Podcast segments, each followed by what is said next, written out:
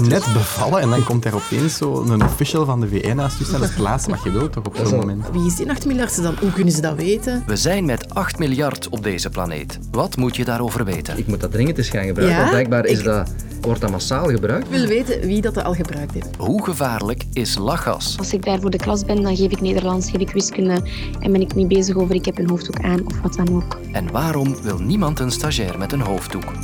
Ik ben Lode Roels en dit is het kwartier op dinsdag. Welkom.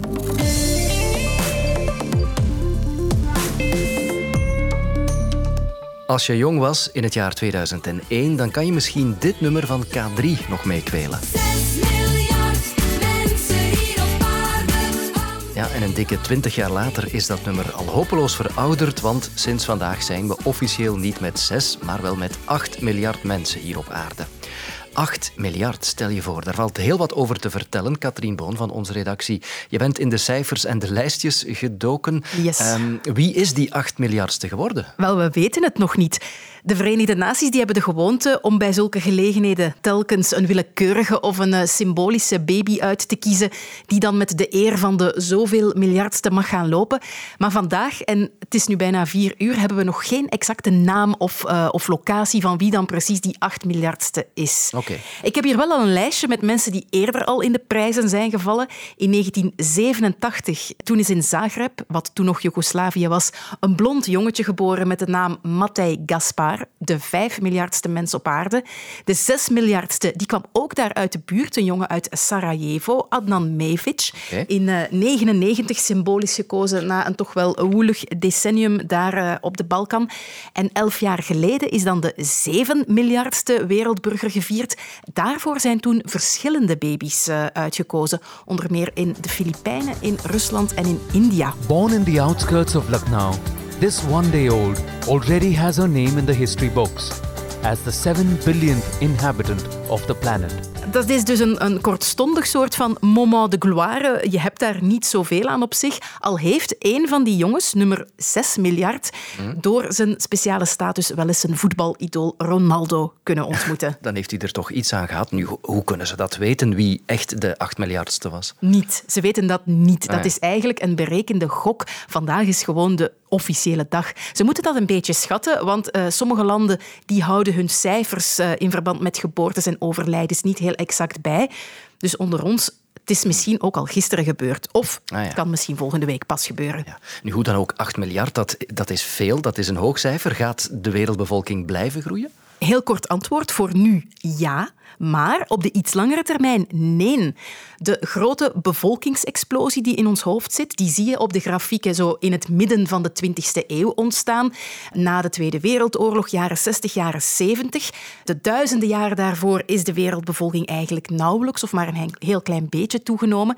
Maar die steile curve die wij kennen van de laatste decennia, Ja. die gaat niet zo stijl blijven doorlopen. We gaan bijvoorbeeld nog 15 jaar moeten wachten tot de 9 miljardste aardbewoner er is. En pas rond 2080 gaan we aan 10 miljard aardlingen komen. En uiteindelijk, en dat zal je misschien niet verwachten, uiteindelijk gaat die groei ook stilvallen en dan komen we op een plateautje terecht. Dat verwacht je inderdaad niet. Hoe komt dat dan? Ja, dat heeft te maken met het geboortecijfer. Dat, dat is wereldwijd extreem aan het zakken. Als je die grafiek bekijkt, dat ziet er echt spectaculair uit. En demograaf Patrick de Bozere die kan dat goed in cijfers vatten. Wereldwijd kwamen we in de jaren 60 van ongeveer vijf kinderen per vrouw gemiddeld. Nu zitten we op 2,3 kinderen per vrouw. Dus dat is meer dan een halvering van het aantal kinderen die per vrouw geboren worden. Maar omdat de generaties daarboven, de mensen die al geboren zijn, jij en ik bijvoorbeeld, wij blijven nog wel even leven als alles meezit. En wij, Ja. blijven ook, wij leven ook steeds langer. En dus blijft die bevolking nu nog even toenemen en groeien. Oké, maar op dit ogenblik zijn er dus 8 miljard mensen op deze planeet. De vraag is of we dat dan als een probleem moeten zien. Ja, dat is zo'n typische vraag op een dag als vandaag. Het wordt nogal snel gezegd als het over wereldproblemen gaat. We zijn met te veel mensen op deze aarde. Maar ik ben dan eens gaan zoeken naar het standpunt van de Verenigde Naties hierover. En dat is best wel opvallend. Zij zeggen, dit is geen catastrofe, wij noemen dit een succes. In fact, it's a grand success. More people are surviving. Life expectancy has increased across the world. Meer mensen in goede gezondheid, hogere levensverwachting, minder kindersterfte. We doen het verdorie goed als mensheid, is de samenvatting. Oké. Wat wel een catastrofe eh, kan zijn of kan worden, zeggen de Verenigde Naties, dat is als overheden zich niet voorbereiden op die komende pakweg 50 jaar, die best wel uitdagend kunnen worden. Want je zit met landen waar die bevolking nog heel sterk stijgt, terwijl er aan de andere kant van het spectrum landen zijn, en zo zijn er trouwens al meer dan 50 op de wereld, waar de bevolking nu al aan het krimpen is. Aan de andere kant heb je dan landen met een heel vergrijsde bevolking en landen met een piepjonge bevolking. Dus je kan niet zomaar zeggen de bevolkingsgroei is het grote probleem of de vergrijzing is het probleem of dat dramatisch dalende geboortecijfer is het probleem. Het zijn allemaal fenomenen die we nu tegelijk zien gebeuren en die de mensheid wel voor een, heel pak verschillende uitdagingen zullen stellen. Oké, dankjewel Katrien. Dat zijn weetjes die we dan weer kunnen delen aan de koffieautomaat of op de trein. Nu moeten we wel nog heel even iets aanpassen. Iedereen klaar? 8 miljard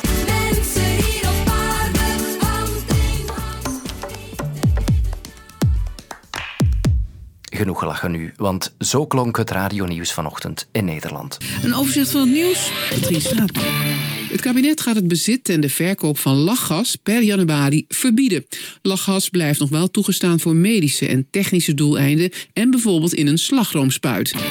De laatste jaren waren er in Nederland zeker 63 dodelijke verkeersongevallen waarbij lachgas een rol speelde. En ook in ons land is lachgas aan een opmars bezig. Na bijna elk lockdownfeestje dat wordt stilgelegd, blijkt achteraf dat de feestvierders lachgas gebruikten. Uh, vorige week hebben we een grote vangst gedaan van lachgas bij een uh, verkeerscontrole. En toen hebben we 14 flessen aangetroffen in de wagen.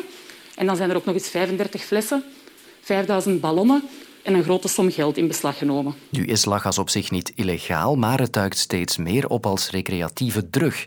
Het is erg populair onder jongeren. Ja, dat was eigenlijk wel tof om te doen. Hè. Dat was in een, eh, een bar in, uh, in Waregem. Dat was via een ballon dat dat opgeblazen wordt. En dan uh, kreeg je die ballon in je handen. En uh, dan inademen, dan weer terug uitademen, dat de ballon groter wordt. En dan is dat zoals een, uh, een wazige fase. En dan kreeg je echt de neiging om, om te lachen. En dan, als je kijkt naar u, wordt alles zoveel trager en trager en trager. En dat duurt 20, 25 seconden. En dan is dat ja, gedaan. En dan zijn we weer volledig normaal. Volgens Verkeersinstituut VIAS rijden steeds meer bestuurders in ons land onder invloed van lachgas. De lege capsules blijven vaak achter op straten en pleinen, maar vooral het gebruiken is erg gevaarlijk, waarschuwen experts. Ik had een aantal vragen. Goedemiddag. En die kon ik stellen aan professor Filip Jorens, diensthoofd intensieve zorg en toxicoloog bij het Universitair Ziekenhuis Antwerpen. Wat is lachgas eigenlijk? Wel, lachgas is een gas, zoals het het zegt en dat we al jaren gebruiken in de anesthesie. Dus om patiënten in slaap te doen. Maar het heeft een, uh, een klein voordeeltje ten opzichte van andere gassen of andere producten die we gebruiken om mensen in slaap te doen. Het behoudt de slikfunctie en het behoudt de hoestfunctie. En dus is lachgas iets ideaal om samen met zuurstof te doen voor kleine heelkundige ingrepen. Als je dat inneemt, wat doet dat met het lichaam? Dus hoe dat met het recreatief gebouw, dat is eigenlijk om een beetje de dingen rondom u te vergeten. En wat het ook soms doet, is u wat lachen, giechelen laat doen. Dus het brengt u in een, in een sfeer van onderdrukking van een aantal functies, maar tegelijk u ook wat beter te voelen. Daarom is het heel, heel populair op dit ogenblik bij feestjes, bij tieners en bij jonge volwassenen, omdat je het uh, gezamenlijk inademt eigenlijk, ja, en in een soort van rustige roesfeer komt en tegelijk blijft ademen. Hoe gevaarlijk is lachgas? In de eerste plaats, hoe gevaarlijker dat is, dat is omdat het uh, toegediend wordt zonder zuurstof. U moet weten dat wij lachgas toedienen samen met zuurstof. Het tweede is dat lachgas acuut spier en vooral vitamine B aantast. En u weet, vitamine B is een essentieel onderdeel van de geleiding van zenuwen. Dus wij zien een ware epidemie van jonge mensen die als ze een aantal keer lachgas hebben gebruikt, een belangrijke verminderde kracht en begeleiding van het elektrisch signaal via de zenuwen hebben, ter hoogte van armen- en beenspieren bijvoorbeeld, en die dus acuut verlamd kunnen geraken wanneer zij een hoge dosis hebben binnengekregen. Ja, waar is lachgas te verkrijgen? Wel ja, natuurlijk enerzijds via het ziekenhuiscircuit, maar dat is gelukkig goed uh, afgeschermd. Af en toe doet men eens een inval ergens, eh, waar tientallen van die grote bidons, zal ik het dan zo maar noemen, of flessen staan. En de derde plaats waar dat je dat aan kunt komen, is omdat het het drijvergas is voor een aantal bussen. Bijvoorbeeld voor de slagroomspuitbussen. Het is moeilijk om die flapullen, zal ik het zo maar zeggen, ampulletjes, die je dus kunt inklikken in zo'n spuitbus, om die wettelijk te verbieden. En die worden letterlijk in nachtwinkels met honderden en duizenden tegelijk soms gekocht en in feestjes gebruikt, of soms tientallen keren per dag. U draait zelf mee op de dienst intensieve zorg. Ziet u zelf een stijging van problemen met lachgas? Wel, ik denk dat het probleem problematisch is langs de andere kant. Wij zien niet zo heel veel patiënten die een acuut lachgasgebruik op intensieve komen, omdat die verlamming een beetje gradueel gebeurt. Het hele verontrustende is dat wij wel wat verhalen krijgen van politie dat lachgas gebruikt wordt tijdens het rijden. Het is niet het eerste ongeluk dat bij ons op andere plaatsen binnenkomt, waar de politie ons meldt dat er op de achterbank een aantal flessen met lachgas zijn. En dus men gebruikt dat soms tijdens het rijden de passagiers, maar soms ook de bestuurder. Dat is natuurlijk levensgevaarlijk, niet alleen voor de persoon zelf, maar voor ook wie al daar rondrijdt. En dat is een heel verontrustend iets. Professor Filip Jorens, dank u wel. Graag gedaan. Studenten die een lerarenopleiding volgen en een hoofddoek dragen, geraken heel moeilijk aan een stageplaats. Dat kaarten de Artevelde en de Odyssee Hogeschool aan. Een probleem dat zwaar valt bij studenten met een hoofddoek. Hallo, ik ben Shema Bentuhami. Ik ben 19 jaar oud. Uh, ik woon in Vilvoorde en ik zit in mijn eerste jaar leerkrachtopleiding aan Odyssee in Brussel. En ik draag een hoofddoek, inderdaad. En Shema heeft er een leidersweg op zitten om een stageschool te vinden. Ik heb zeker wel een tiental scholen gecontacteerd in mijn omgeving. Dus zowel Vilvoorde als Mechelen, Grimbergen. En dan was het altijd, nee, je mag geen hoofddoek dragen.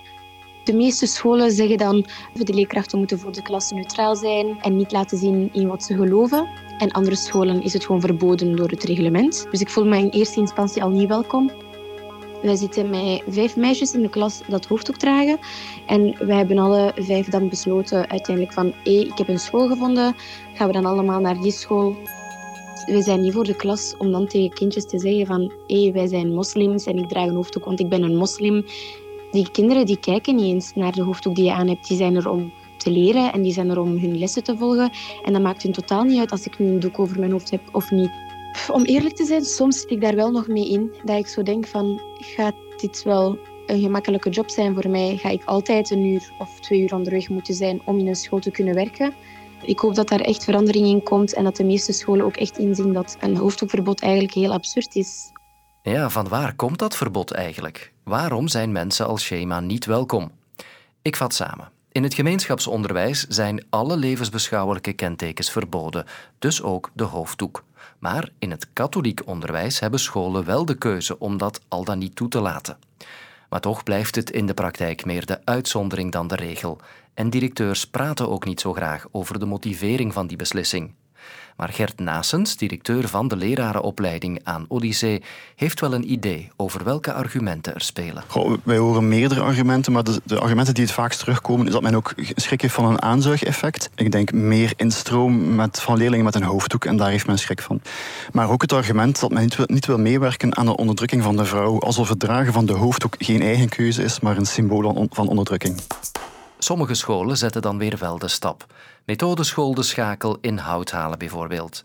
Directeur Christos Pistolas wist me te vertellen dat leerkrachten daar sinds kort een hoofddoek kunnen dragen in de klas. Heel in het begin van mijn carrière hier als directeur kreeg ik een meisje dat hier op school is geweest, een oud leerling die stage wou eh, doen. Zij droeg een hoofddoek en eh, kwam in de klas met een hoofddoek. En ik kreeg onmiddellijk reactie van oudere leerkrachten dat dit niet kan. Dus ik uh, heb dan een gesprek gevraagd met dat meisje of het voor haar een probleem was om geen hoofddoek te dragen. Maar eigenlijk tegen mijn uh, eigen principes in en tegen mijn zin. Maar ik dacht dat ik mij ja, moest houden aan regels die het schoolbestuur uh, had vastgelegd. Uiteindelijk heeft ze dus haar stage afgewerkt hier zonder hoofddoek. Maar dat is mij blijven achtervolgen. Dat is iets waar ik, waar ik echt geen goed gevoel bij had. En daarom ook de acties om dit niet meer voor te hebben en om hier echt mensen uh, met een hoofddoek toe te laten zonder dat het een probleem is. Als wij dat weren uit de school, dan zijn we niet de wereld in, in de school aan het halen. Ik hoop vooral dat er een switch komt in ja, situeren van de hoofddoek als een issue, als een probleem in het onderwijs. We zijn er al 30 jaar over aan het uh, discussiëren. We hebben alle krachten nodig op dit moment. Achter een hoofddoek schuilt talent en dat is waar wij op moeten focussen in het onderwijs. Voorlopig zijn we rond en hopelijk is die 8 miljardste baby intussen bekend. Als jij de vader of de moeder bent, kan je je melden op hetkwartier.vrt.be. Morgen is Ophir met een nieuwe aflevering. Luister ook naar Planeet Frank, waarin weerman Frank de Bozere een antwoord geeft op al jouw vragen over het klimaat. Nu in de app van VRT Max.